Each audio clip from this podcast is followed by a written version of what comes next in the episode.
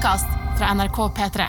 Og her i Filmpolitiet sin podkast i dag skal det handle om ti sommerfilmfavoritter, og det er deg, Sigurd Vik, og meg selv, Marte Hedenstad, som har plukket ut fem filmer hver som Ja. vi syns gir oss sommerstemning. Ja, altså det der er jo litt vanskelig, for det her er jo ikke nødvendigvis de aller beste filmene som handler om sommer, eller som gir sommerfølelse nødvendigvis, men det er fem filmer fra hver av oss som vi syns funker veldig godt om sommeren, og som vi tenker at er god å dele med, med de som er ja, enten bare opp for et uh, sommerfilmtips sånn i, i farta, eller som syns sommerfilmer som stemning er noe de kan tenke seg å dykke litt ned i, noe som det er god tid og gode muligheter. Og for å være litt uh, sånn forbrukervennlig, da så har vi måttet ha tatt noen harde valg, for vi har nå valgt å si at de her filmene de skal ikke nødvendigvis ligge på strømmetjenestene gratis tilgjengelig for dem som har dem, men de skal være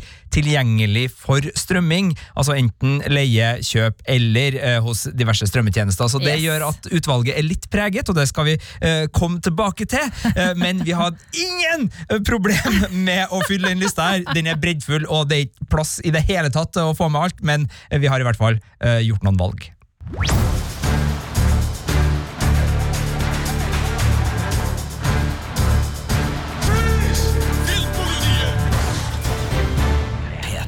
Og det her er en sånn liste som det er gøy å lage, fordi jeg blir så godt humør når temaet er sommerfilmer. Jeg sitter og koser meg. Og sånn, å ja, å jeg husker da jeg så den! Og liksom sånn, liksom, blir sånn god, deilig følelse. Eh, og en av filmene som gir meg en veldig god og deilig følelse, det er min, mitt første tips til, til sommerfilm, eh, og det er denne nydelige saken her.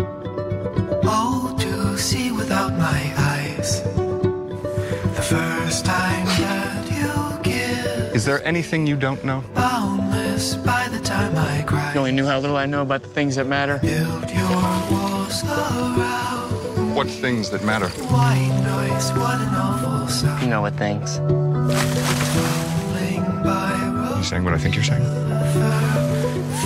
my feet above the ground. Shouldn't have said anything. Just pretend you never did. Og sette på litt Sufjan Stevens nå med det samme og bare gi oss her, eller?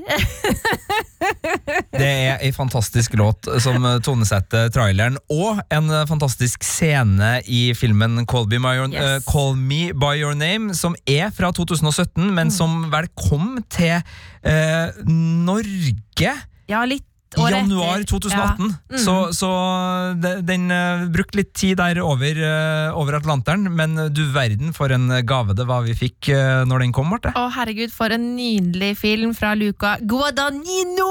Som jeg aldri klarer å uttale riktig, sikkert. Men altså, Italia, sommerforelskelse, litt sånn her, i hermetegn ulovlig kjærlighet, for dette, dette er på 80-tallet. To unge menn som forelsker seg. Herregud, den, den filmen her er på en måte den perfekte kjærlighetsforelskelsen, sånn derre sommerkjærligheten, du vet den derre den, eh, den der, Ferieflørten. fe, Ikke ferieflørten, okay. men den feriekjærligheten. Altså den derre ene forelskelsen som du husker for resten av livet, liksom. Det er Call Me By Your Name. Og det er en helt nydelig følelse. Det er en helt nydelig film også. Den, den har jo et, et sommer, en sommerskildring som er eh, så utrolig vakker. Altså her er det eh, italienske, altså norditalienske haver, her er det bading, her er det soling, her Og ikke er det minst sykling. Det er veldig mye sykling, og jeg er jo veldig veldig glad i å sykle. Det er sånn, Jeg er aldri lykkeligere enn hvis jeg på en måte har på meg et stort, sånt flagrete skjørt eh, og sykler av gårde på bysykkelen min. Du, men Åh. sånn sykling Jeg syns du sa sikling, så. for det er jo en del sikling her. Det er også sykling! Ja. Beklager. Årsak for uh, forsøk på ordspill. Ja, men det er sykling på hverandre, det her da også. Uh, det er sykling, sikling mens man sykler. Og Ja, en av de mer spennende ferskenscenene du har sett på film, eller? Absolutt en veldig interessant ferskenscene. Og det er jo en sånn eh, nysgjerrighet på seksualitet som bare sånn sitter glitrer eh, i, i lufta eh, når man ser Call Me By Your Name. Og for, for, for du som ikke har sett den filmen her, da, så handler jo det her om Ilio, spilt av Timothy Chalamet, som er sønnen til en professor i Nord-Italia. Og hver sommer så får denne professoren eh, en, en lærling egentlig på besøk, en student som skal hjelpe han med arbeidet over sommeren. Og, og, og dette året, da, en gang på 80-tallet, så er det Oliver som kommer. Den kjekke amerikaneren spilt av Army Hammer, som er veldig sjarmerende og litt sånn brautende, men på en sjarmerende måte. Og så får de et godt øye for hverandre, og så er det en sånn kjærlighetsgreie som utvikler seg. Og det er altså så vakkert. Og eh, som vi hørte på eh, trailerklippet her, så er det jo eh, lydlagt av Sofian Stevens, som er helt fantastisk fint og stemningsfullt uh, lydspor. Ja, Det er en vemod som henger over det lydsporet, som også toucher innom filmen, men som ikke gjør filmen vemodig eller trist på noe vis. Men altså, det, er en, det er en klangbunn her som er veldig rik, og som rommer mye.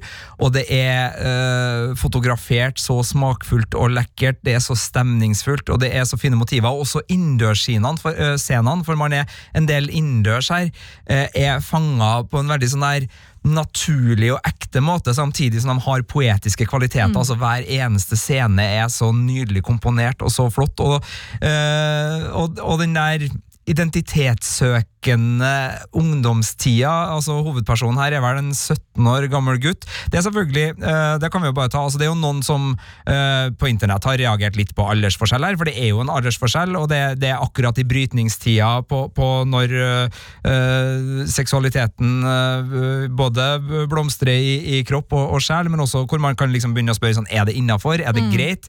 Eh, Vi har vel ikke reagert, noen av oss, på denne filmen, Marte? Vi, vi syns vel altså- ikke at det er problematisk med den aldersforskjellen, sånn, sånn som den skildres på filmen, i hvert fall Nei, ikke? altså, jeg husker jeg tenkte over det da jeg så den første gang. At jeg tenkte sånn Å ja, ja han, er godt, han er en god del eldre, ja.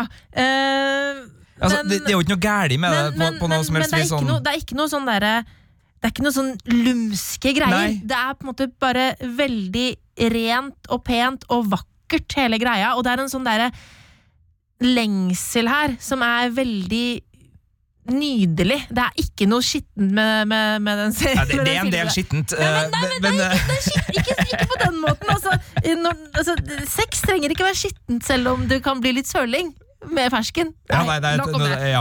Men, men, men det, eh, det oppleves heller ikke som at det er en ubalanse i Nei, maktforholdet. det det det var det egentlig det jeg tenker. For, for det, er sånn, eh, det, eh, det er jo sånn som man kan diskutere rundt filmer som Lost in Translation òg, Mm. der en ung Scarlett Johansen og, og en gammel Bill Murray har noe som kan tolkes som vennskap, men som noen også tolker som en sånn Mm. litt sånn romantisk greie, og da kommer jo de spørsmålene ikke at det er liksom noe sånn der med, med loven i handa at det er feil, men det er liksom sånn der, og er det her liksom en, en relasjon jeg liker å se på, eller er det her liksom sånn gammel grisfantasi-type film? Noe som, uh, sjøl om det er greit, allikevel vil treffe annerledes i magen. Ja. Men, men den filmen her, jeg, jeg vet at enkelte har, har reagert litt på den, men jeg, jeg opplever den her bare som en genuint god kjærlighetshistorie. Så kan det jo hende at tiden vil uh, gjøre at man, man ser ting i andre lys, det vet jeg men i hvert fall her og nå, i 2020, sommeren 2020, så oppleves Call Me By Your Name helt fantastisk Ja, nydelig. det er den beste sommerforelskelsen jeg har sett på film i hele mitt liv. Jeg kan ikke komme på noen,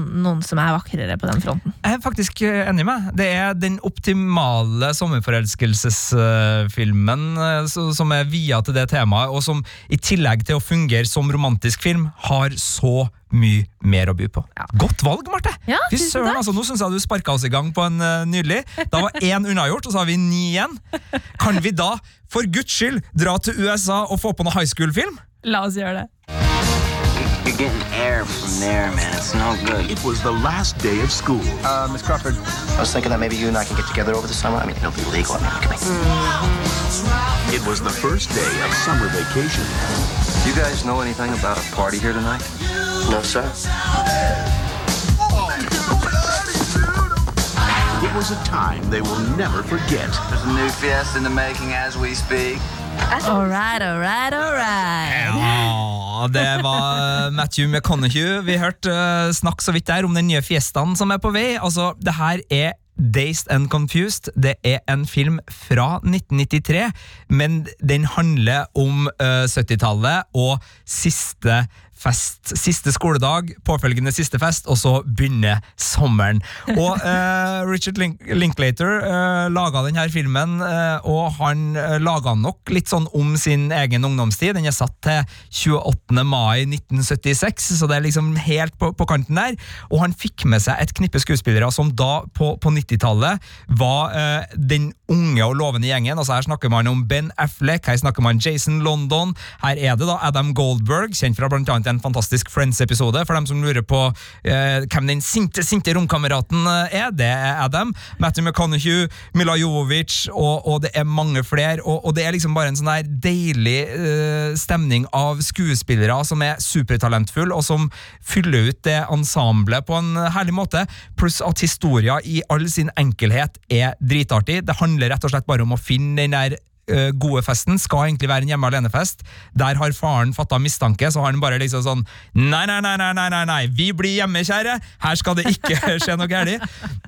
Og så er det da den her eh, roadtrippen. da Den her eh, folk, Vi følger ulike folk som bare er liksom på eh, rundtur rundt i en amerikansk småbynatt og leter etter den her gode festen. Og, og den finner de jo i flere varianter, og, og den foregår både inne i biler, på, ute på sletta med øltønner, det er på utesteder, det er liksom rundt omkring. Det er hele tida bevegelse, det er hele tida energi. Masse deilig 70-tallsrock, og mange gode samtaler som liksom handler om sånn Fordi sommeren er jo en sånn tid der du liksom kan ta en fot i bakka og kjenne sånn, hva skal jeg videre med livet mitt? I hvert fall når du har de der somrene som er imellom ting, altså mellom Ja, ja. ungdomsskolen og videregående, mellom videregående og universitetet, eventuelt mellom altså Hvis du skal øh, sitte og føle Skal jeg bare begynne å jobbe? Skal jeg, altså, og den filmen der klarer å fange opp de samtalene. Altså, skal jeg spille fotball videre, eller skal jeg bare liksom fære på Aerosmith-konsert og røyke meg en ræv og kose meg? Altså De viktige spørsmålene, Marte. De viktige spørsmålene. Og som vi hørte også her, da, øh, ikke at det her skal bli en gjennomgangsmelodi for hele praten her, men en uh, high school-student som prøver å sjekke opp lærerinna si, hørte Ja, vi ja, i ja. trailerklippet Ja. her. Uh, I'm legal now, så, så det er klart det, det, det er et element også i disse filmene, men Ja, og så er det ikke Når det begynner å bli noen år siden jeg har sett Days and Confused nå, men er ikke også Matthew McConaughey sin rollefigur litt grann ja, det er eldre? et, et av de verste sitatene uh, som fins, kommer fra Matthew McConaughey sin munn i den filmen. her, Noe som også er sånn der, et element som gjør om man liksom har filmen tålt tidens Ja. tann eller ikke. Men, men det, det- er jo en del av historia og det er jo en del av skildringa. Altså, jeg kommer fra ei lita bygd i Trøndelag. Eh, aldersforskjell var en greie. Det var Ja. ikke sånn at det ikke var ti år eldre gutter som hang utafor skolegården. eh, Og sånn er det jo fortsatt. Det er godt mulig, jeg har ikke vært i den skolegården på, på en stund, men altså, det var i hvert fall det er en tidsbeskrivelse, og, Mm. og det er en beskrivelse av et fenomen som eksisterer, så jeg mener at man skal ikke sensurere bort sånne ting, men Nei. sitatet er da That's what I love about them high school girls. I get older, they stay the same age. Ja. Uh, mer eller mindre fritt etter hukommelsen der, da. Men det er jo et forferdelig sitat, som Matthew McConaughey uh, riktignok da en, en uh, atskillig mye yngre. Ja. uh, hvor gammel var Matthew? Skal vi se, Det var i 93. Matthew er født i 69, 79, 89 eh, Ja, altså han var i 20-årene, da. Ja. Matthew, så det, det, det, han- sa det jo ikke som eh, 50-åring, men, nei, men, nei. Ja, men ja, ja. sjøl en da 24 år gammel Matthew, det, er ekkelt når han med bart og hånda i bilvinduet Han er så slivrig! Han er så slivrig! Han er så slivrig på en utrolig gøyal måte, altså. Det Ja, han, er, han spiller da den litt eldre fyren som liksom ikke helt har klart å slutte å være med på de her festene. hans storhetstid var på high school, Ja. eh, og derfor klamrer han seg liksom fast til den gamle storhetstiden. Ja, nei, det, det er, men, men det er ei, eh, en film som er full av gode miljøskildringer, og ja, eh, altså Quentin Tarantino har kalt det her den tiende beste filmen noensinne. Oi, han har det, ja. Ja.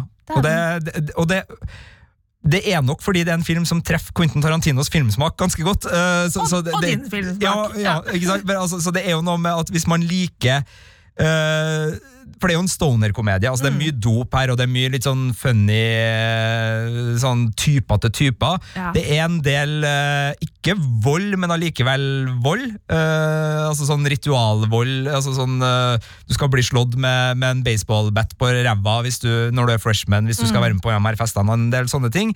Og så er det uh, munnrappheten. Altså det, dialogen er utrolig godt skrevet. Og Richard Linklater han har det der eh, Altså Han har jo laga annet Boyhood, som da er kanskje en av de beste oppvekstskildringene på film noensinne. Ja, ja, ja. Altså Han har en evne til å liksom komme innunder huden på overgangsritualer på en måte som mange andre filmskapere som jobber innenfor det samme temaet, ikke tar seg bryet ved. Kan sammenligne med Judd Apatow, som også har litt den samme uh, finurligheten. Og Superbad var en film jeg gjerne skulle hatt med inn på den lista her òg. Ja, fordi altså, Jeg vet at du i arbeidet med å plukke ut fem eh, filmer, så var det ganske mange high school-filmer som først var med in the running, Ja. men så ender du altså opp på Dazed and Confused. Ja, og det er nok fordi det er det, den, det er den jeg sjøl liker best. Det er den jeg får den beste sommerfølelsen av, fordi nettopp den kobler på sommeren. Altså, hva skal du bruke sommeren til?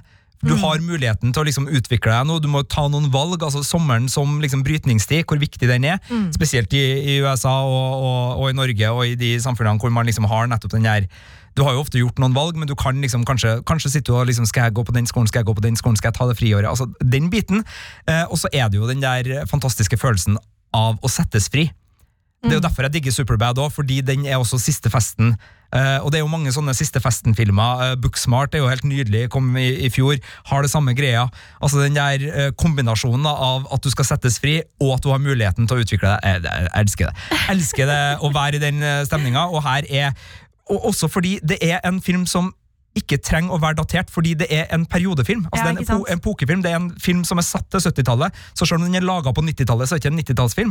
Selv om det, det smaker jo litt 90-talls i en del valg, du vil kunne kjenne igjen, men, men, men det er litt som fordelen Friends har. Altså Mm. den, den er så lite datert, den serien, at den oppleves ikke som en sånn veldig 90-tallsserie, sånn som Seinfeld gjør. Uh, og her er det igjen, da, det er, siden den er satt til 70-tallet, så får den en sånn tidløs aura. Så eh, Richard Linklaters Dazed and Confused er, er første film ut fra meg. Den er å få leid og kjøpt der du eh, kjøper og leier eh, Vi trenger ikke å gå inn på merkenavn her, Nei. men, men eh, altså der du kan kjøpe og leie digital film. Ja. Der øh, vil du finne den, men den ligger vel ikke hos noen strømmetjenester? Ikke noen strømmetjenester, kun til leie øh, og kjøp øh, på strømming. Jeg glemte å si i stad at Call Me By Your Name er tilgjengelig på HBO Nordic, i tillegg til kjøp og leie på diverse strømmetjenester. Så vet du det. Veldig bra. Ja. Da er det din tur med ny film. Marte Hedenstad, Yes. hvor skal vi reise? Vi skal reise til en, en øy i Er det Stillehavet, da, mon tru? How fast are they? Well, we clocked the T-Rex at 32 miles an hour. T- T-Rex? You said you've got a T-Rex? Uh-huh. Say again. We have a T-Rex. Wow. Put your, put your head between your knees. Dr. Grant. My dear Dr. Sattler. Welcome to Jurassic Park.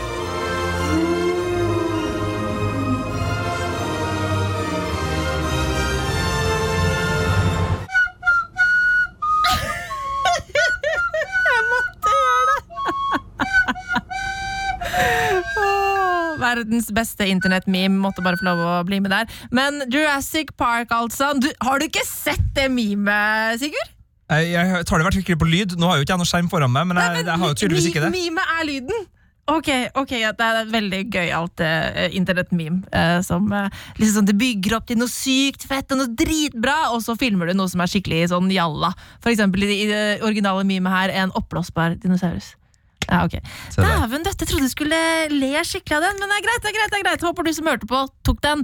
Jeg regner med at du gjorde det. Men uansett, Jurassic Park, det er en av tidenes eh, kuleste sommerfilmer. Ja, og det er vel en av tidenes mest suksessrike sommerfilmer også. Den Ja. hadde jo noen kinorekorder, det, det er mulig den fremdeles eh, sitter på noen av de rekordene. Altså Da Steven Spielberg slapp det her utover eh, verden i 93 93, ja. Samme Mm. som ja, det er to 93-filmer på rad, Ja. eh, i veldig ulik retning. Men eh, ja, det, det, altså, jeg er jo et barn av 90-tallet, det er vi begge to. eh, Altså disse VHS-kassettene med Jurassic Park, enten det var den der vanlige lille smallboksen, eller du hadde en kompis kanskje som hadde den der som var sånn ruglete. Ja. Du fikk en sånn svær utgave, sånn Spicial Edition da, vet du, med, med Jurassic Park i sånn uh, veldig kult svart uh, dinosauromslag, som var som uh, skallet på en dino. Ja, ja, ja. Oi, oi, oi. Men, men for en film! Ja, for en film. Altså, jeg husker så godt at eh, brødrene mine skulle gå på kino og se den, eh, og jeg fikk ikke være med fordi jeg var for liten. Altså, jeg var jo bare åtte år,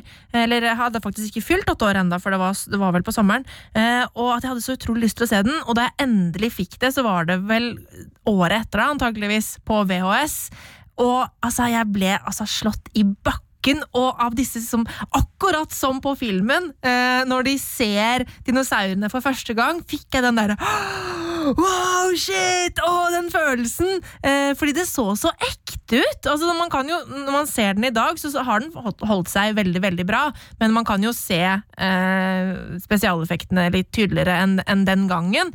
Eh, men herregud, for en fantastisk film. Eh, og den og, og hvorfor er den en sommerfilm? Jo, altså det, for det første, det foregår på en tropisk øy. Det er sommer, det sier seg selv. Eh, men òg fordi at den er jo den derre blockbuster-filmen som jo siden liksom Jaws kom i, var det 75 eller når det var? 1975, samme Eh, regissør. Ikke sant? Har blitt en sånn sommerblockbuster-greie. Så det er jo bare en av de aller feteste filmene.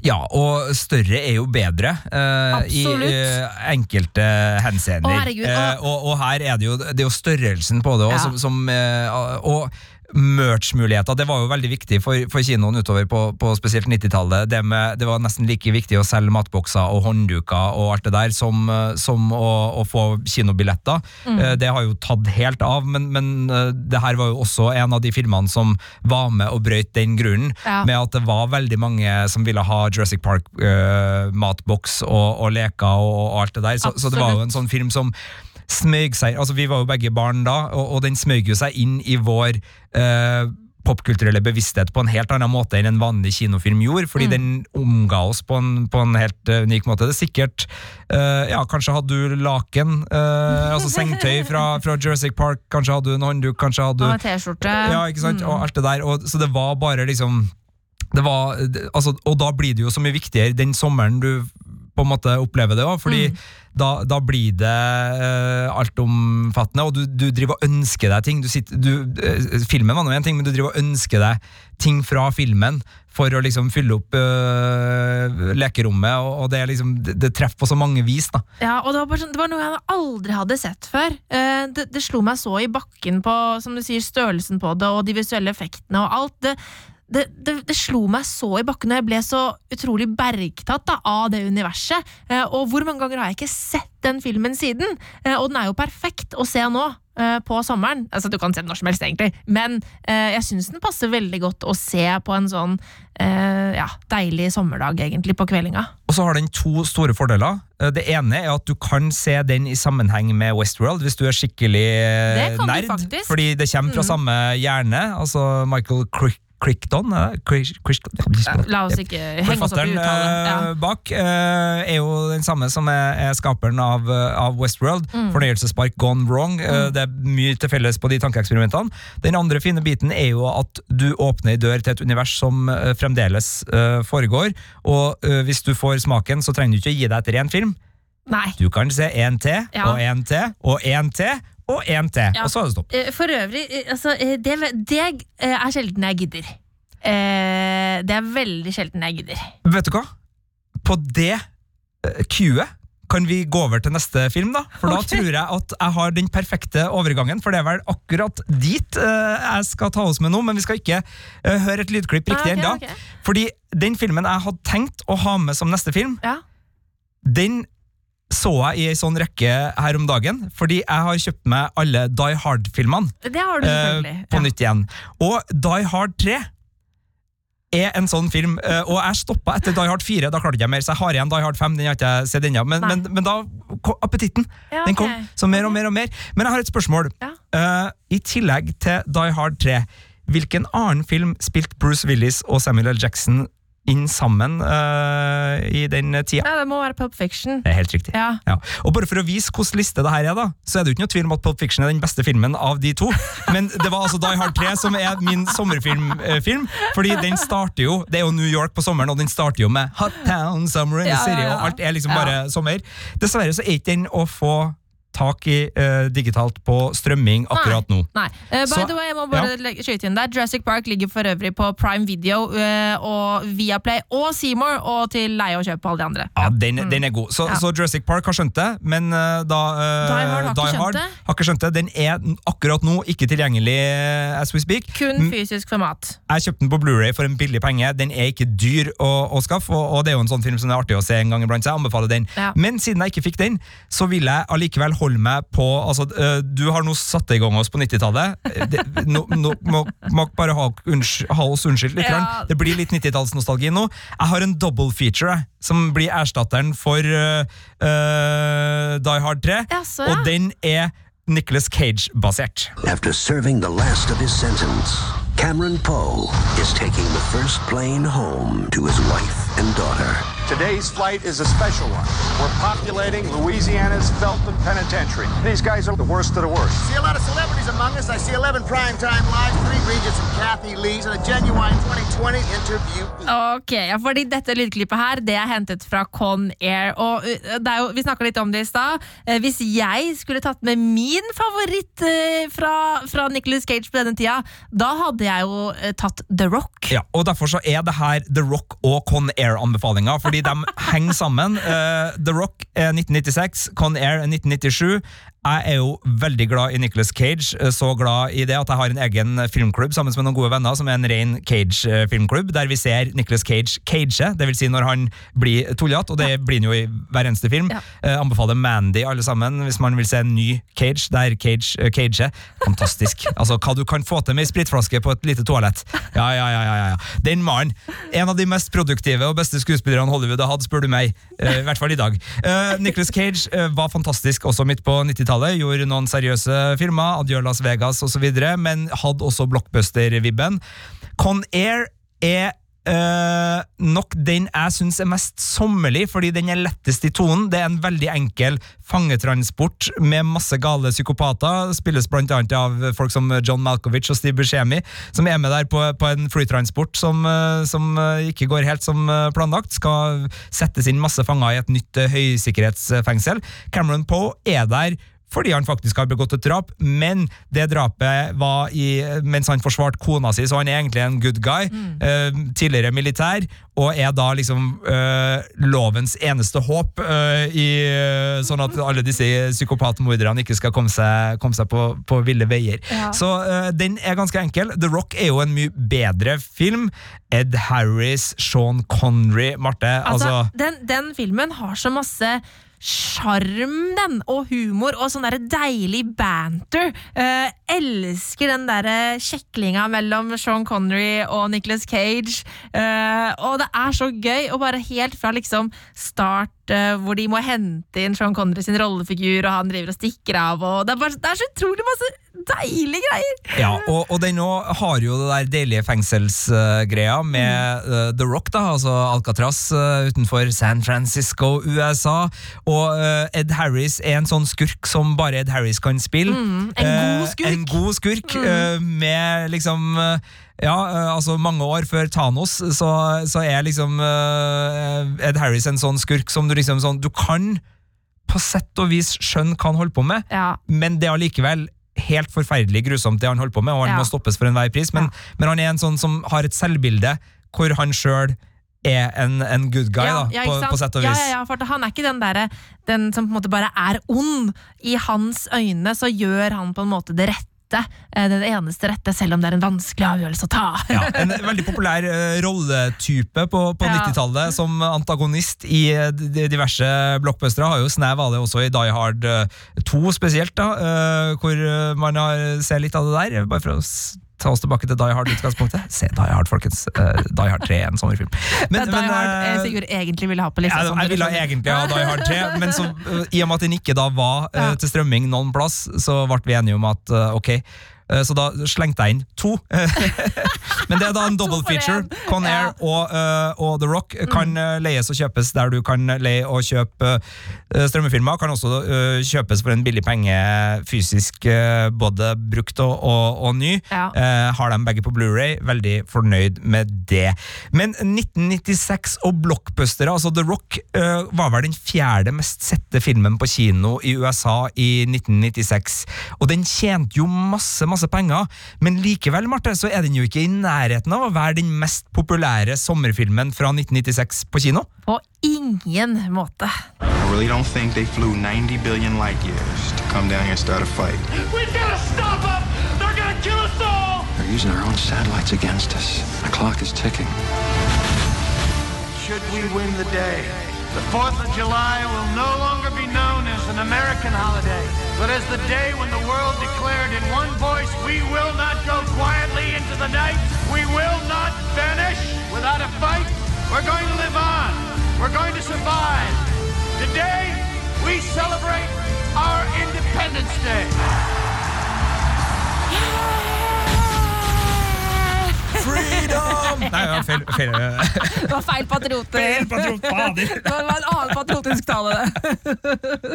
Men ja, Independence Day, folkens! Og sommeren 96 hadde den premiere i USA, og den eh, ja, var en kassasuksess, for å si det forsiktig.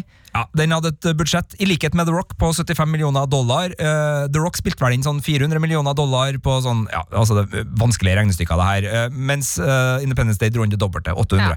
Eh, den, eh, den slo mange av de rekordene Jurassic Park hadde sittet i, i, i 93, eh, og, og var bare eh, en all around fantastisk greie. Altså For Will Smith, helt nydelig.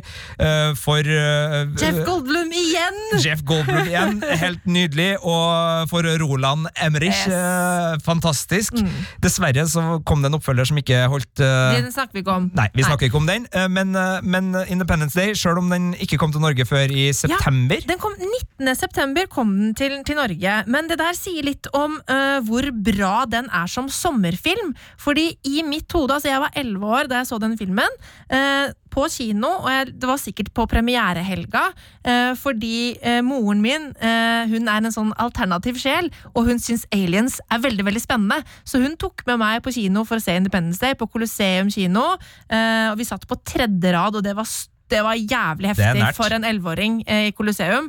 Eh, men jeg husker at det var på sommeren. Men det var altså i slutten av september. Jo, men altså, litt Indian summer, det er jo ikke noe rart at man har den følelsen. Og, og det at minner forskyver seg litt sånn, er jo heller ikke, sant, Filmen foregår jo på sommeren. Eh, altså Independence Day 4. juli feires jo i filmen. Det her er jo altså en så patriotisk film at det er ikke måte på. Men herregud, for en film! Og jeg husker så godt hvor sinnssykt redd jeg var for disse aliensa da jeg var elleve. 11. Jeg var helt skjelven. Altså, jeg fysisk skalv i bena etterpå fordi det hadde vært så intenst og spennende. Eh, og jeg er jo ikke redd disse aliensa i dag, men det er jo en utrolig fet eh, spenningsfilm fortsatt. Eh, altså, min favoritt favorittting å gjøre er quarter pounder fra Mækkern, jordbærmilkshake fra Mækkern, fries og Independence Day. Altså, den kvelden for meg er helt perfekt. Altså, det går ikke an å forbedre et element for meg av den. Det her ble reklame, beklager det, men, men den, den er ikke Dette er ikke reklame, du synger om ting som er sånn der. Ja, Ja. eh, Så, så navnet må jeg jo ha med. Eh, men, men altså, uh, den er amerikansk eh, ja, Popkorn blir feil her, for det er burgerglede. Altså den er amerika All American Burger Joy for meg, den, den filmen her. Og jeg hadde en sånn aften for ikke så lenge siden, i fjor sommer, hvor jeg smelte på med akkurat den komboen. Og fytti rakkeren som jeg kosa meg. Rakkeren, vet du hva? Jeg tror jeg skal gjøre det. Nå får jeg skikkelig fikk. Jeg skal gjøre det i dag. Jeg skal ha burger fra Altså, den burgeren du vil ha, altså. Eller Ja. pizza, eller hva altså, søren. Men jeg, jeg, jeg ville i hvert fall ha bytta ut den eh, forferdelige jordbærmilkshaken din med sjokolademilkshake, for at eh, det sier seg jo selv. Men, men jeg har jo dessverre slutta med denne kjøttspisinga, og selv om jeg syns at Quarter Pounder er en helt fantastisk, sinnssykt god burger, klassisk burger. veldig undervurdert burger, så må det nok bli en halloumi-burger fra Burger King jeg, bare, uh, her, bare for å få inn enda litt mer reklame for burgerkjeder. Eh, men det tror jeg faktisk jeg skal gjøre i dag. Jeg skal se Independence Day, spise burger, få på sjokolademilkshake. Eh, herregud, for en kveld dette blir! Jeg gleder meg så mye nå! herregud. Men altså, jeg, du er et nydelig menneske, Marte Hedenstad. den nydelig eh, ligger i Viaplay, iTunes og Google Play og, og Microsoft og all eh, Nå sa jeg alle stedene, men uh, all over hvor du finner strømming til leie, så finner du Independence Ja, for, men den, er, den ligger ikke på noen strømmetjenester fritt tilgjengelig. Kun leie. Kun Den leie, koster ja. 49 spenn eller noe sånt. 49 spenn, ja. uh, den òg er veldig lett å få tak i på fysisk format hvis Ja. man uh, gidder det, og har en PS4 som tåler en Blu-ray eller et eller annet sånt. Mm. Igjen en sånn film som jeg ser såpass ofte at uh, det er dumt å ikke eie den, for plutselig så har den forsvunnet fra den strømmetjenesten Ja, den lå på. sant, så, ja. Mm. Men uh, ja, nei, eh, 90-tallet blir vel ikke bedre. Uh, og eh, jeg skal være ærlig, du, du calla denne filmen først, så det, den var, var helt grei, og du husker kinoopplevelsen vår. Jeg skal ikke ta deg fra her, men hadde ikke du tatt den, så hadde jeg tatt den. Det er sikkert og tvist. Men nå Sigurd, skal vi over fra stor blockbuster med masse special effects over til en, ja, vi kan vel kalle det en thriller? Spenningsfilm? Dear editor, this is the murderer of the two teenagers last Christmas at Lake Herman and the girl on the 4th of July. I want you to print this cipher on the front page of your paper. He wants his code in the afternoon edition. Ray Smith, don't you have a cartoon to finish? Zodiac kom i 2007. Den er ikke underkjent på noe som helst vis, men den er kanskje ikke sett så mye som den fortjener å Nei, jeg har sett den, men tror jeg, liksom. Men jeg klarer ikke helt å plassere den. Det er, den, er den med Jake Gyll- Gyllenhaal? Det er det. Ja. Og Robert Downey jr. Ja. og Mark Ruffalo. Og jeg hørte jo på klippet her at den foregår på sommeren. Uh, uh, men ja, forklar, hvorfor er dette en deilig spenningsfilm eh, på en sommerkveld? Altså uh, Seriemorderjakt, etterforskning, mørke sommernetter, avislokaler fordi journalisten er på sporet, Ja. politilokaler fordi etterforskeren er på sporet, og eh, det hele da satt til 70-tallet i et eh, sommerlig eh, er det, det, er vel, det er flere byer i California da det her skjer, men, men San Francisco er en sentral by her. David Fincher har regi. Han kan jo det her, altså enten det er det groteske i Seven, eller det er bare liksom det, det billedskjønne i starten av House of Cards. altså den fyren kan estetisk nytelse, og det her er en estetisk nytelse. I tillegg til at den er kjempegod, for det her er jo da basert på en eh, virkelig eh, person. eh, En, en veldig myteomspunnen seriemorder i USA, som da gikk under navnet Zodiac, og som drev og sendte inn sånne gåter til avisene, og fortalte dem hva han skulle gjøre, og, og erta da de her folkene med, med sin tilstedeværelse. Og det der er så, det er så sprøtt. For dette, ja, det er jo forferdelig at det her på en måte er ekte. eh, det er jo grusomme ting som har skjedd. Men faen, så spennende! Jeg elsker seriemordere som sender hint til politiet! Det er noe av det gøyeste jeg vet! Det er kjempegøy! Ja, jeg kan jo bare ta litt sånn, øh, sånn at vi har den virkelige Zodiac-morderen bare kjapt her fra, fra det eminente nettstedet Wikipedia. Yes. Eh, Zodiac-morderen var en seriemorder som opererte i Nordre California på slutten av 60-tallet. Han brukte navnet Zodiac i brev han sendte til avisene i området på slutten av 60-tallet og starten på 70-tallet. Og det eh, starten av 70-tallet vi da kommer inn i på, på filmen her. Eh, De her brevene inneholdt annet fire kryptogrammer, hvorav tre aldri har blitt løst. Oi! Men det er teorier om hvem denne personen var, og, og David Finchers Zodiac-film følger da et av altså Det er vel basert på en bok, så vidt jeg husker, den, den filmen òg, og følger da et av de her eh, sporene. Jeg så den igjen her forleden. Eh, Og jeg storkosa meg. Den, den, eh, er, den er så pen, og den er akkurat sånn Altså Hvis du har digga Mindhunter, hvis du digger true crime av liksom den litt sånn estetisk forseggjorte sorten, så får du altså en, en helt fantastisk eh, film her. Den er nok bedre som filmatisk nytelse enn ren sånn etterforskningsthriller, men den er mer enn god nok som etterforskningsthriller òg, Ja. til å stimulere den nerven, og spesielt da trekløveret Robert Downey jr., Mark Ruffalo og Jake Gyllenhaal. det her er i 2007. Det her er bra folk, ass! Det er bra folk, og, og spesielt Mark Ruffalo i 2007 Ja. er like god som han er nå, men han er ikke den stjerna han har blitt etter Hulken og Spotlight og, og de her uh, filmene. Uh, mens øh, jeg vil kanskje si at øh, Jake Gyllenhaal var på sitt aller beste. Han hadde den der litt sånn Donnie Darko-shake stilen. Han spiller jo også her den som er veldig glad i kryssord og koder og, og kodeknuseren. Mens Robert Downey jr., flamboyant krimreporter, en perfekt rolle for hans. Så det er bare sånn veldig godt sammensatt. Altså Det er så godt håndverk av David Fincher.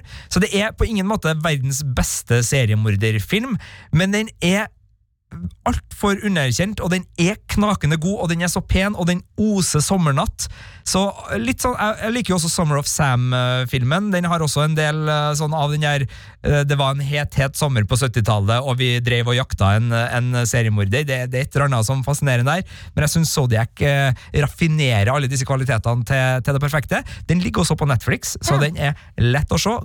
Relativt eh, lang film, men, men pytt pytt, det, det tåler man. Og, og en sånn eh, en skikkelig sånn krimgodbit for dem som eh, elsker det, og det er det jo en del som gjør. Så noen hakk ned fra eksplosjonsnivået på Independence Day, å ja, ja, ja, men eh, den her godbiten eh, kan også kjøpes og leies mange plasser, men har du Netflix, så har du den eh, i hvert fall der nå i sommer. Ikke sant. Eh, Og fra eh, storbynatt eh, i, eh, i USA så skal vi til landsbygda nå, i Japan. あなたは誰 今日 今日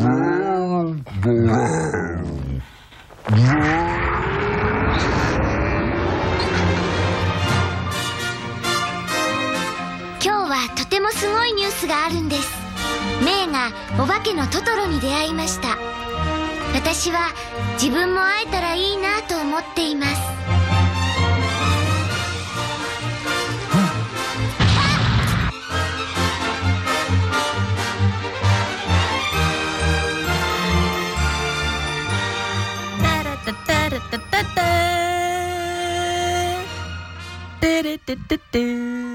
Det her er en sånn uh, filma Marte har elska av hele sitt hjerte hitshow vi er inne i nå, og, og jeg skjønner deg så godt, for det her er jo noe av det artigste, koseligste og beste som har kommet fra japansk animasjon noensinne. Ja, min nabo Totoro, Hayao Miyazaki, Studio Ghibli.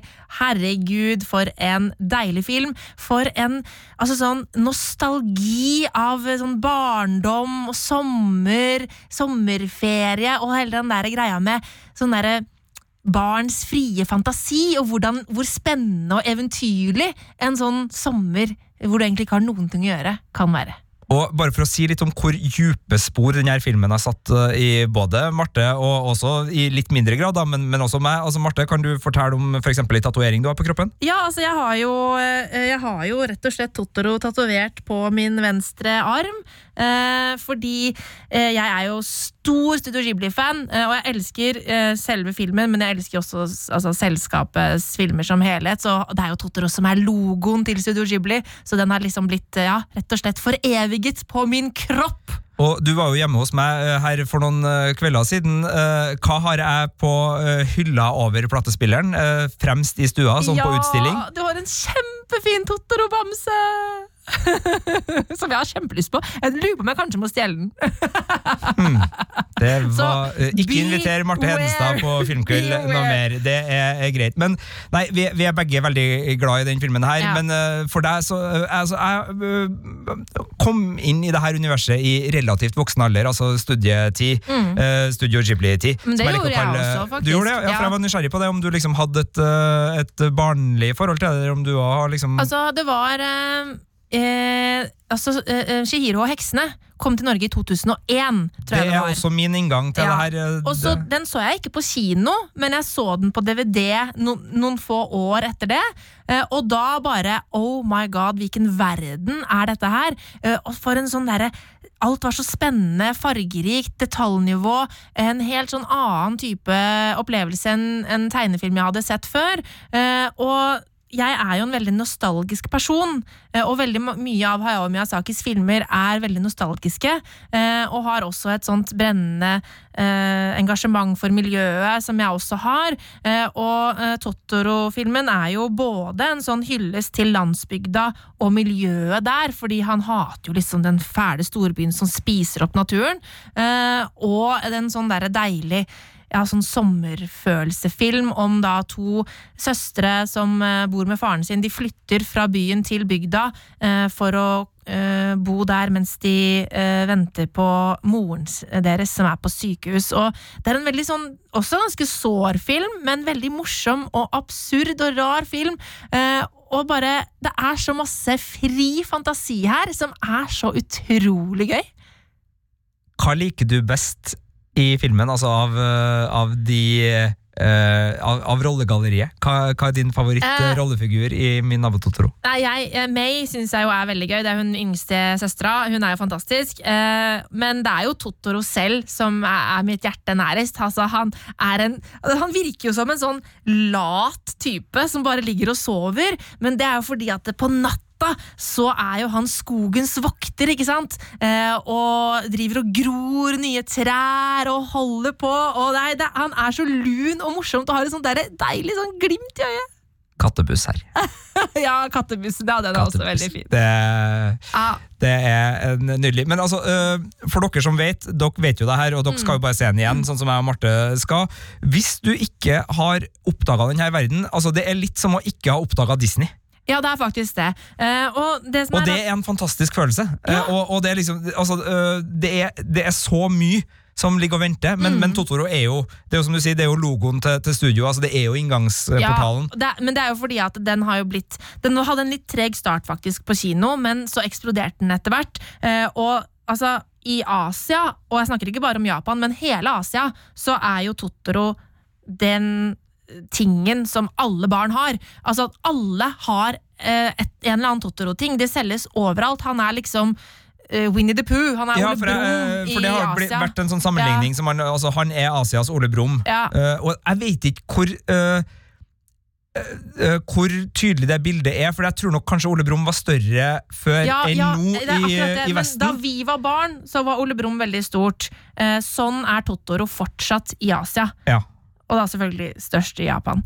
Men uh, vet du hva, Eh, det er en veldig nydelig film. Uh, det er jo kanskje den av Miyazakis filmer som er mest en barnefilm, uh, men den kan absolutt eh, nytes av, eh, av voksne, og man får veldig mye glede ut av den. Og det er så masse gøyale detaljer og små rariteter, fordi den mannen har jo bare altså Hayao Miyazaki har jo en sånn fantasi som virkelig får fri flyt i filmene hans, og det er bare Det er nydelig! Nydelig! Du vet at når du er ferdig med Independence Day, så er det lov å, å ta seg en, eh, en liten sånn dessert Ja. og, og Totoro. Det er absolutt mulig. Eh, men, eh, men Sigurd, eh, vi, nå er vi altså da på landsbygda, en sommer på landsbygda i Japan. Ja. skal vi flytte oss over til en sommer i, i Sverige isteden? Ja, det høres ut som en hyggelig eh, tur. La oss eh, ta en liten uh, svipptur innom uh, støtta bror. I invited Danny to come to Sweden. You know what she's been going through. Christian says you've got this special week planned. It's sort of a crazy festival. Special ceremonies and dressing up. That sounds fun.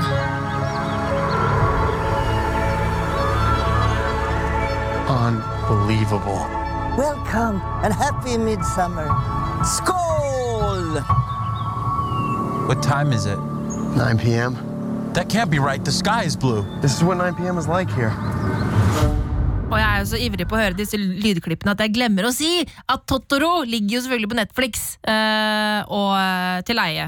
Der du vil, på iTunes f.eks. Uh, men dette her var 'Midtsommer', Sigurd Vik, og den er eh, din film på denne lista i dag. For jeg har faktisk ikke sett den. Nei, og eh, hvis jeg kjenner deg rett, Marte, så kommer ikke du til å se den her. Nei, Du har helt, helt rett. Fordi det her er ikke nødvendigvis Altså, det er ikke en skrekkfilm, men det er en uhyggelig eh, sektthriller Ja. eh, som har en del humør. Eh, Og er en visuell fest av en film. Ja, fordi Du sier at det ikke er en skrekkfilm, men det er der jeg liksom ikke helt stoler på deg. Nei, altså Den har elementer fra skrekkfilmen. Og Ja. det her er laga av eh, Ari Aster, som eh, ble kjent eh, for filmen Hereditary for noen år siden. Og den her filmen kom da i fjor sommer, så den er et år eh, gammel nå. Og det er en eh, thriller som er lagt til den uh, svenske skogen og under midnattssol. Uh, men det handler da om fire amerikanske studenter. Tre av dem er sosialantropologistudenter. De skal da til den her alternative bosetninga som heter Horga, som da liksom lever som med gamle tradisjoner i trehytter med masse blomsterkranser og har liksom så idylliske greier Åh, på gang her i, i i Sverige. Og så er det eh, en sorg i det følget som kommer, fordi eh, paret Danny, spilt av eh, Florence Pugh, og Christian, spilt av Jack Raynor, har en sorg i seg og har det ikke bra. Eh, og Christian og hans studiekompiser er de som skal hit, og så blir Danny med. Noe som er litt sånn her Å, hvorfor ble Danny med? Hun er så nedpå, og hun er så nedfor, og du har liksom dem der. Type utfordringene.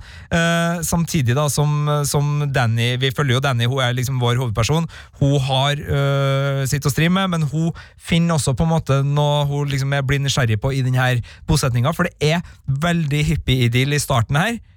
I starten. Eh, og så er det her en eh, film som, som selv om den liksom eh, da er eh, litt sånn skrekkelig og vemmelig, så, så har den en sånn den har noen psykedeliske utskeielser, og den har et humør, og den er litt sånn Den er, den er morbid. Morsom eh, på en del ting.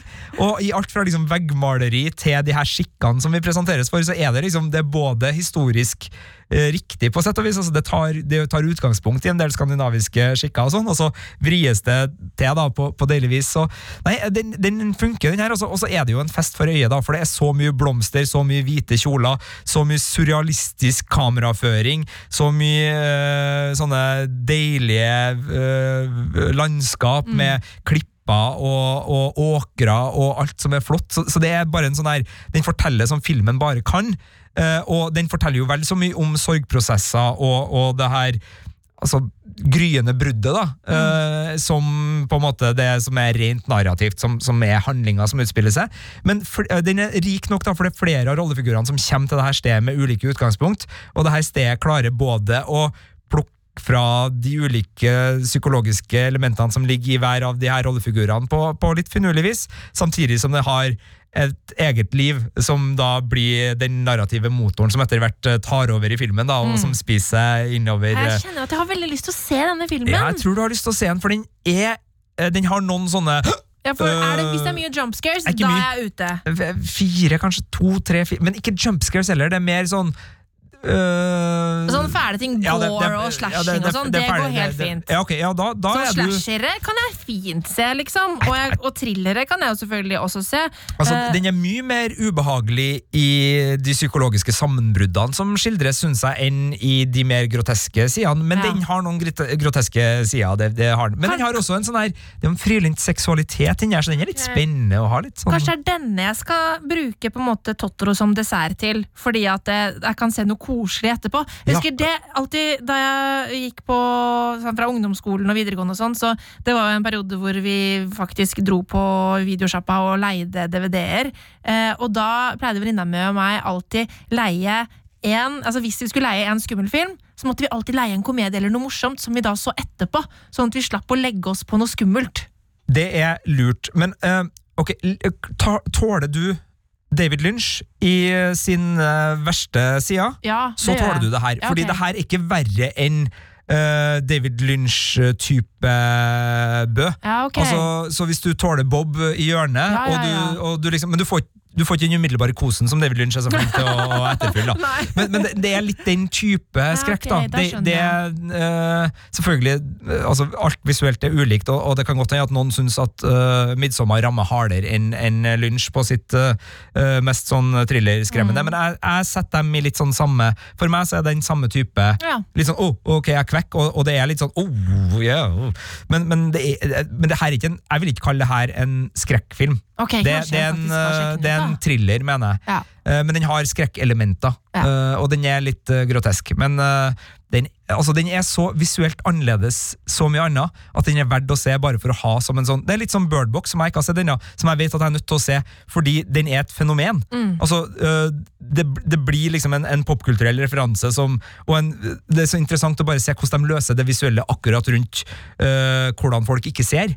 At, at jeg må bare se Birdbox. Og sånn er det litt med Midtsommer, og den er så visuelt eh, løst snedig at du bør nesten bare ha sett den hvis du er filminteressert for å ha sett den.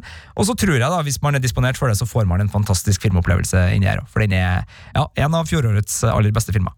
Åh, såpass. Da må jeg bare rett og slett eh, komme meg hjem og, og se den. Og hvor kan jeg se den? Den uh, kan du vel leie uh, der du trenger å, å leie den, og kjøpe der du trenger å kjøpe den. Den Ja. er vel ikke til strømming hos noen av strømmetjenestene uten at du må blø litt cash, men eh, sånn okay. er livet. Men da skal vi over til eh, en film som jeg eh, for et par uker siden uh, lette hardt for å finne. Eh, men jeg fant den eh, i min egen Blu-ray-hylle til slutt, da. Men òg eh, på Viaplay ligger altså denne godbiten her. concerning hobbits. Hobbits have been living and farming in the four farthings of the Shire for many hundreds of years, quite content to ignore and be ignored by the world of the big folk. Middle Earth being, after all, full of strange creatures beyond count. Hobbits must seem of little importance, being neither renowned as great warriors nor counted among the very wise.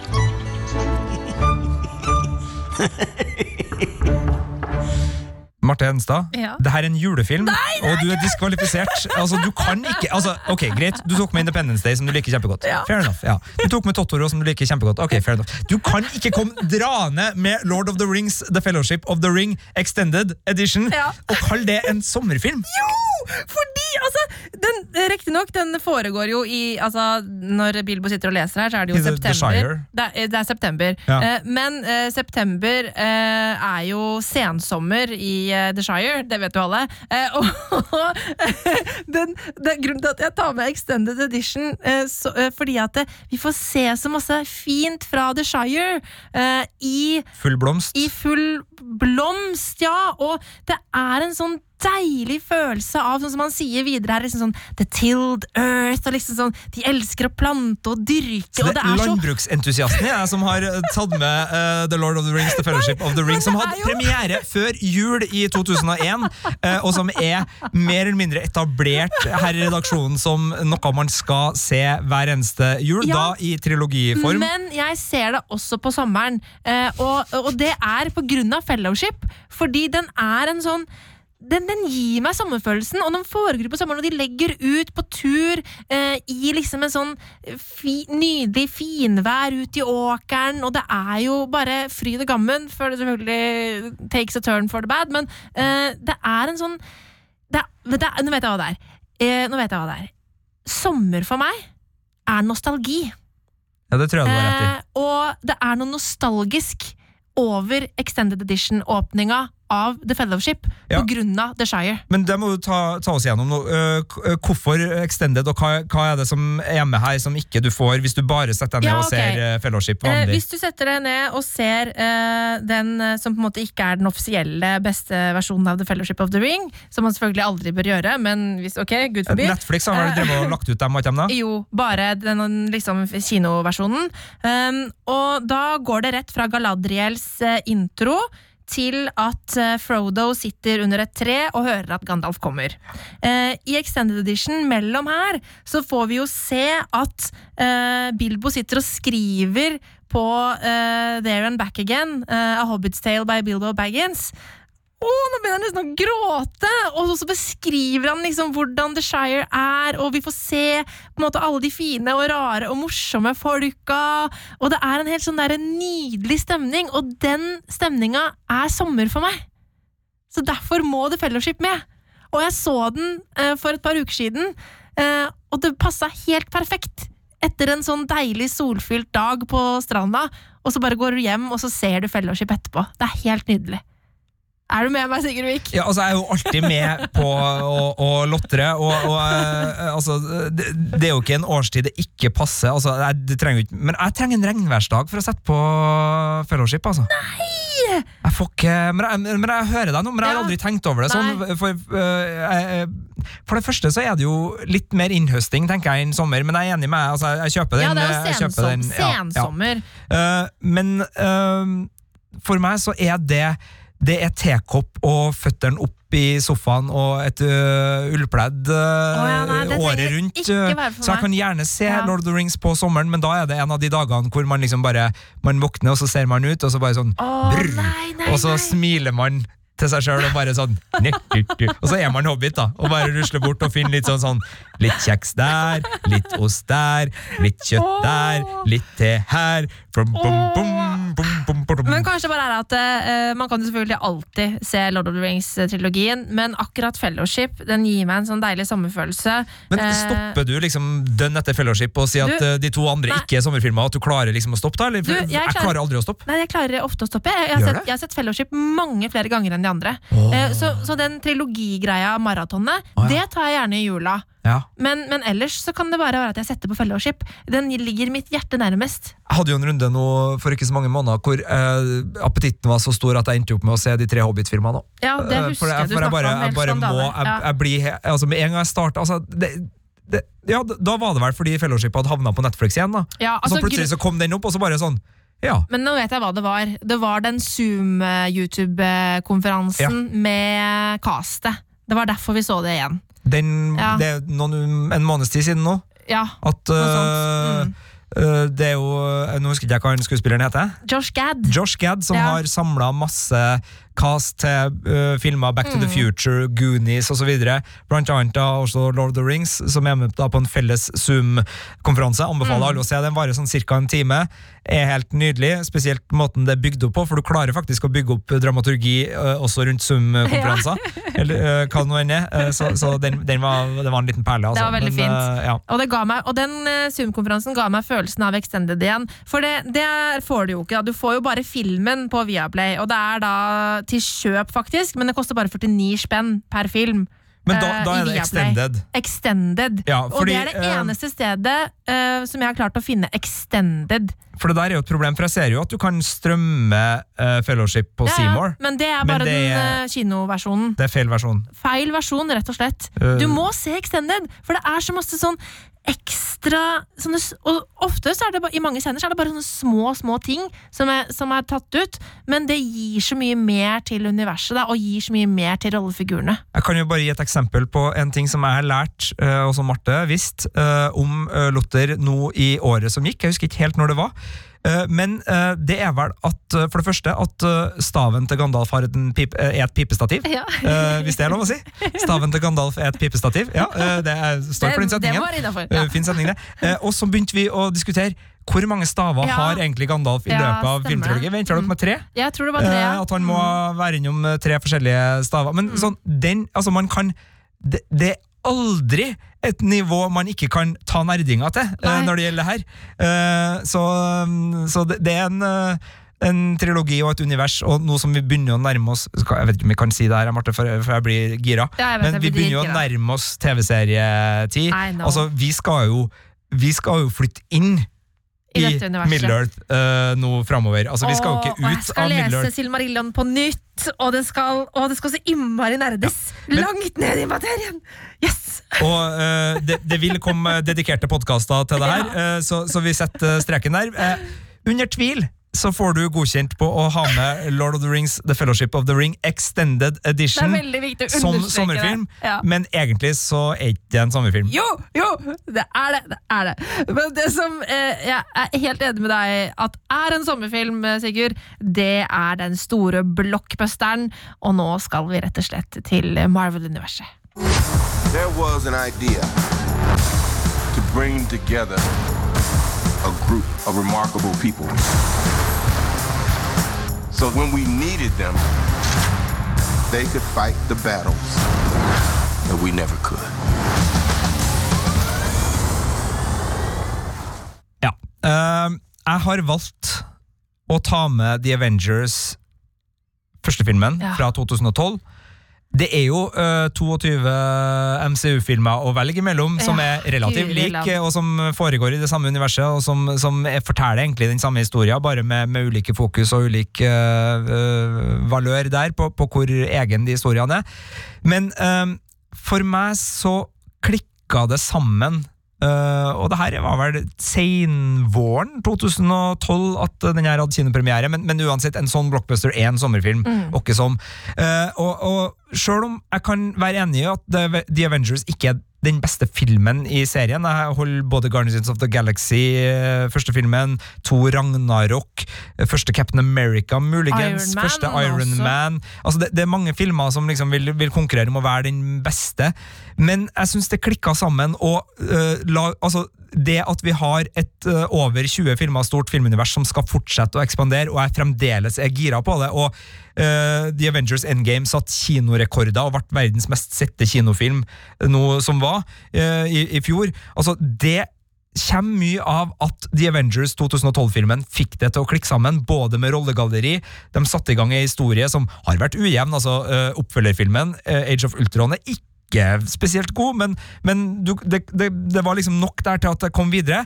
Og du har masse kule scener, du har en god trussel gjennom uh, Loke. Tom Hiddleston er en fantastisk skuespiller å ha i antagonistrollen. Du får det der kameratskapet mellom uh, Thor og Iron Man og Hulken. Du får små origin stories. Du fikk reaktivisert Hulken, som Mhm. hadde sin egen film med en annen skuespiller, men den prøver vi å ikke snakke så veldig mye om, selv om filmen i seg sjøl ikke er forferdelig. Så, så, så ble det noe annet når Mark Ruffalo kom inn i det. Ja. Du har shawarma-scener, på post rulletekst, og du har mye godt. Skal prøve å ikke spoile så mye mer her men Og så har du noen taler inni her som også er sånn her Litt sånn som den Independence Day-talen Mm. vi har hørt her. Skulle jo egentlig ha plukka ut uh, Tony Stark sin uh, Avengers-tale òg. Den, den er en av liksom det forrige tiårets sånn definerende, ikoniske popkorn-kinoøyeblikk. Absolutt. Så Nei, eh, altså, vi kommer ikke unna MCU. Vi kommer ikke unna at større er bedre også i, i nyere tid. Og, og selv om da det hadde vært naturlig å ta eh, fjorårets store kinosuksess, eh, så, så syns ikke jeg det er Altså, Det er finalen på en saga, men litt sånn som du tok med The Fellowship. da Jeg syns Mm. ofte starten er, er det mest givende. Og det som også er fint med å sette i gang med The Avengers nå, er jo at da kan man jo dra det så langt man vil. Enten man ønsker liksom å, å da kjøre hele Altså bruke sommeren på hele MCU-rekka og bare glane seg i hjel, eller om man bare vil ta snarveien, se The Avengers, eller øh, kanskje The Avengers-filmene. Det er jo fire. Eh, Kanskje klett på litt eh, andre, for det er jo en del filmer som er viktige for Avengers-filmene. Ja. Fordi de har nøkkelscener som, som man kan begynne å hive på dem. Fins masse guider der ute på nettet til hvordan man kan sette sammen en Altså- god MCU-meny. Jeg har ikke sett jeg tror ikke jeg har sett Avengers siden den kom på strømming. Altså Jeg så den på kino, oh, ja. og så så jeg den igjen da den kom liksom ut. eh, ja, ja, ja. Så tror ikke jeg har sett Har den siden oh, da. da, da kommer du til å altså, Jeg merker at jeg har glemt litt hva som egentlig skjer i hvilke filmer nå. Så jeg er litt sånn der, Hvordan var det den egentlig begynte igjen? Husker ikke. Fordi den har den uh, shawarma-scenen, så mener jeg at det her er kanskje den perfekte sommerkebabfilmen. Ja, så det er en- kebab til ja, den. Eller altså noe innenfor rullsegmentet, da. Ja. Eh, eller pitabrødsegmentet. Altså noe der. Altså burger, veldig Independence Day. Ja, mm -hmm. uh, og så tror jeg nok kanskje jeg ville hatt noe litt sånn eh, spicy, og enten i wrap eh, Ja. eller pitabrødvariant, ja. Kan godt lage det sjøl, men eh, fullt mulig å sneie innom et gatekjøkken. Plukke med seg noe isopor. Og, og få, altså Greit å få med litt pommes frites ved siden av, tenker jeg. Ja, og noe, ja, noe litt sånn sausutvalg. Men altså det å bare sette seg ned med The Avengers fra 2012, Marte. En sommerkveld i 2020. Ja, det syns jeg du skal unne deg, altså. Ok, Kanskje det blir i helga, det, da. Mm. Eh, Hvor er det jeg kan se, se den hen, da? Eh, altså, Den eh, kan jo da også eh, leies og kjøpes. Eh, Det er vel det som er greia her. Nå skal jeg ta en dobbeltsjekk, bare for å se om Nei, den ligger ikke ute til eh, Så jeg må betale, men det går bra. Apple TV, Google Play, Ikke Microsoft, Rakuten Viaplay Altså, alle har Avengers. Og igjen, en sånn film som Ja, det kan godt hende at en kompis har den på Blu-ray eller DVD. Mm. Altså, det, det må folk huske. Altså, låning altså, Ok, smittevernmessig vask over. Man kan sprite Man det kan før sprite man ned, men altså, eh, ja. det å låne en film ja, det må være lov. det er lov. Selvfølgelig hvis du vet at uh, du er dårlig til å levere tilbake. Det- Check yourself before du- you wreck yourself. Oi, oi, oi. Eh, eller hvis du liksom har venner du er litt sånn Jeg får dem aldri tilbake, og du er glad i filmer. Det er lov å være glad i filmene sine. Det er lov å ikke låne ut. Er Lov å ikke låne ut, og folk skal ikke bli sint med det. Men altså, allikevel, det er Altså, vi er jo egentlig en Don't Copy That Floppy-disk-redaksjon i Filmpolitiet. Altså, vi er ikke for piratkopiering sånn offisielt, Eh, men altså, gode filmlån Ja. det, det er mye kjærlighet i et uh, godt filmlån. Så kanskje sitter du nå på en Avengers-kopi som du har sett for ikke så lenge siden, eller en av de andre filmene vi snakka om nå, og så har du en kompis blå tilby Hei, kompis! Har du lyst til å se The Avengers i kveld? Men det er jo en fin ting. Altså, Marte, Hvis jeg hadde en film som jeg liksom visste at du hadde kommet til å digge, og jeg hadde den på, på DVD eller Blu-ray, så hadde jeg, det hadde jo ikke vært Jeg hadde jo ikke vært et rasshøl hvis jeg liksom bare sånn Marte, den her skal du se. Ja, nei, det er faktisk veldig sant. Altså, Jeg hadde vært et rasshøl hvis jeg sånn, det her skulle du se i kveld, for jeg skal ha den tilbake i morgen, og du skal like den. Altså, sånn, man skal ikke være insisterende, man skal ikke tvinge folk. Og hvis folk sier sånn, vet du hva, kan ikke jeg spørre deg om den senere en gang? Det, da, da backer man av. Da, sant, da pusher man ikke på. Men det er helt greit å liksom bare sånn Hvis man har Independence Day, da, Ja. og vet at søren, jeg har venner som sikkert ikke har sett den filmen der, de kommer til å storkose seg. Enten inviter dem på en filmkveld, én meters avstand og alt det der, Det er lov. inviter folk på filmkveld, Ja. eller bare si du, lån den her. It's gonna change your life. Avengers-filmen. Nei, nå er vi på Independence Day. Ja, Independence Day, ja. Men feil begge to, altså. Men, Men, uh, men jeg skal i hvert fall se Independence Day i kveld. Det blir burger, det blir milkshake. Jeg hadde egentlig tenkt å dra på trening. Fuck det! Her skal det være filmkveld! Og jeg håper at vi som hørte på, fikk noen gode tips Kan om hva bli- du kan bruke tida di på. Kan det bli slagordet til filmpolitiet? Fuck trening? Nei, det skal det ikke være. Vi er et sunt legeme, et sunt uh, sinn, uh, Ja, ja, ja, ja, motsatt, osv., videre. Skravla lenge nå. God sommer, kos dere med sommerfilmer, og, og, og hvis dere har tilbakemeldinger Ja. uh, tips til filmer vi bør sjekke ut i sommer, som vi eventuelt kan uh, spre videre igjen. uh, send oss beskjed, ris, ros, kudos, slakt på filmpolitiet, alfakrøll, nrk.no. På Instagrammen vår, vi er NRK Filmpolitiet der, bare å, å slå opp en samtale, eh, slå av en eh, prat. Eh, og vi er også på Twitter, så da har vi sagt fra om hvor vi er. Eh, Marte Henstad, det var en glede å skravle sommerfilm med. Takk i like måte, Sigurdvik. Du har hørt en podkast fra NRK P3. Hør flere podkaster i appen NRK Radio.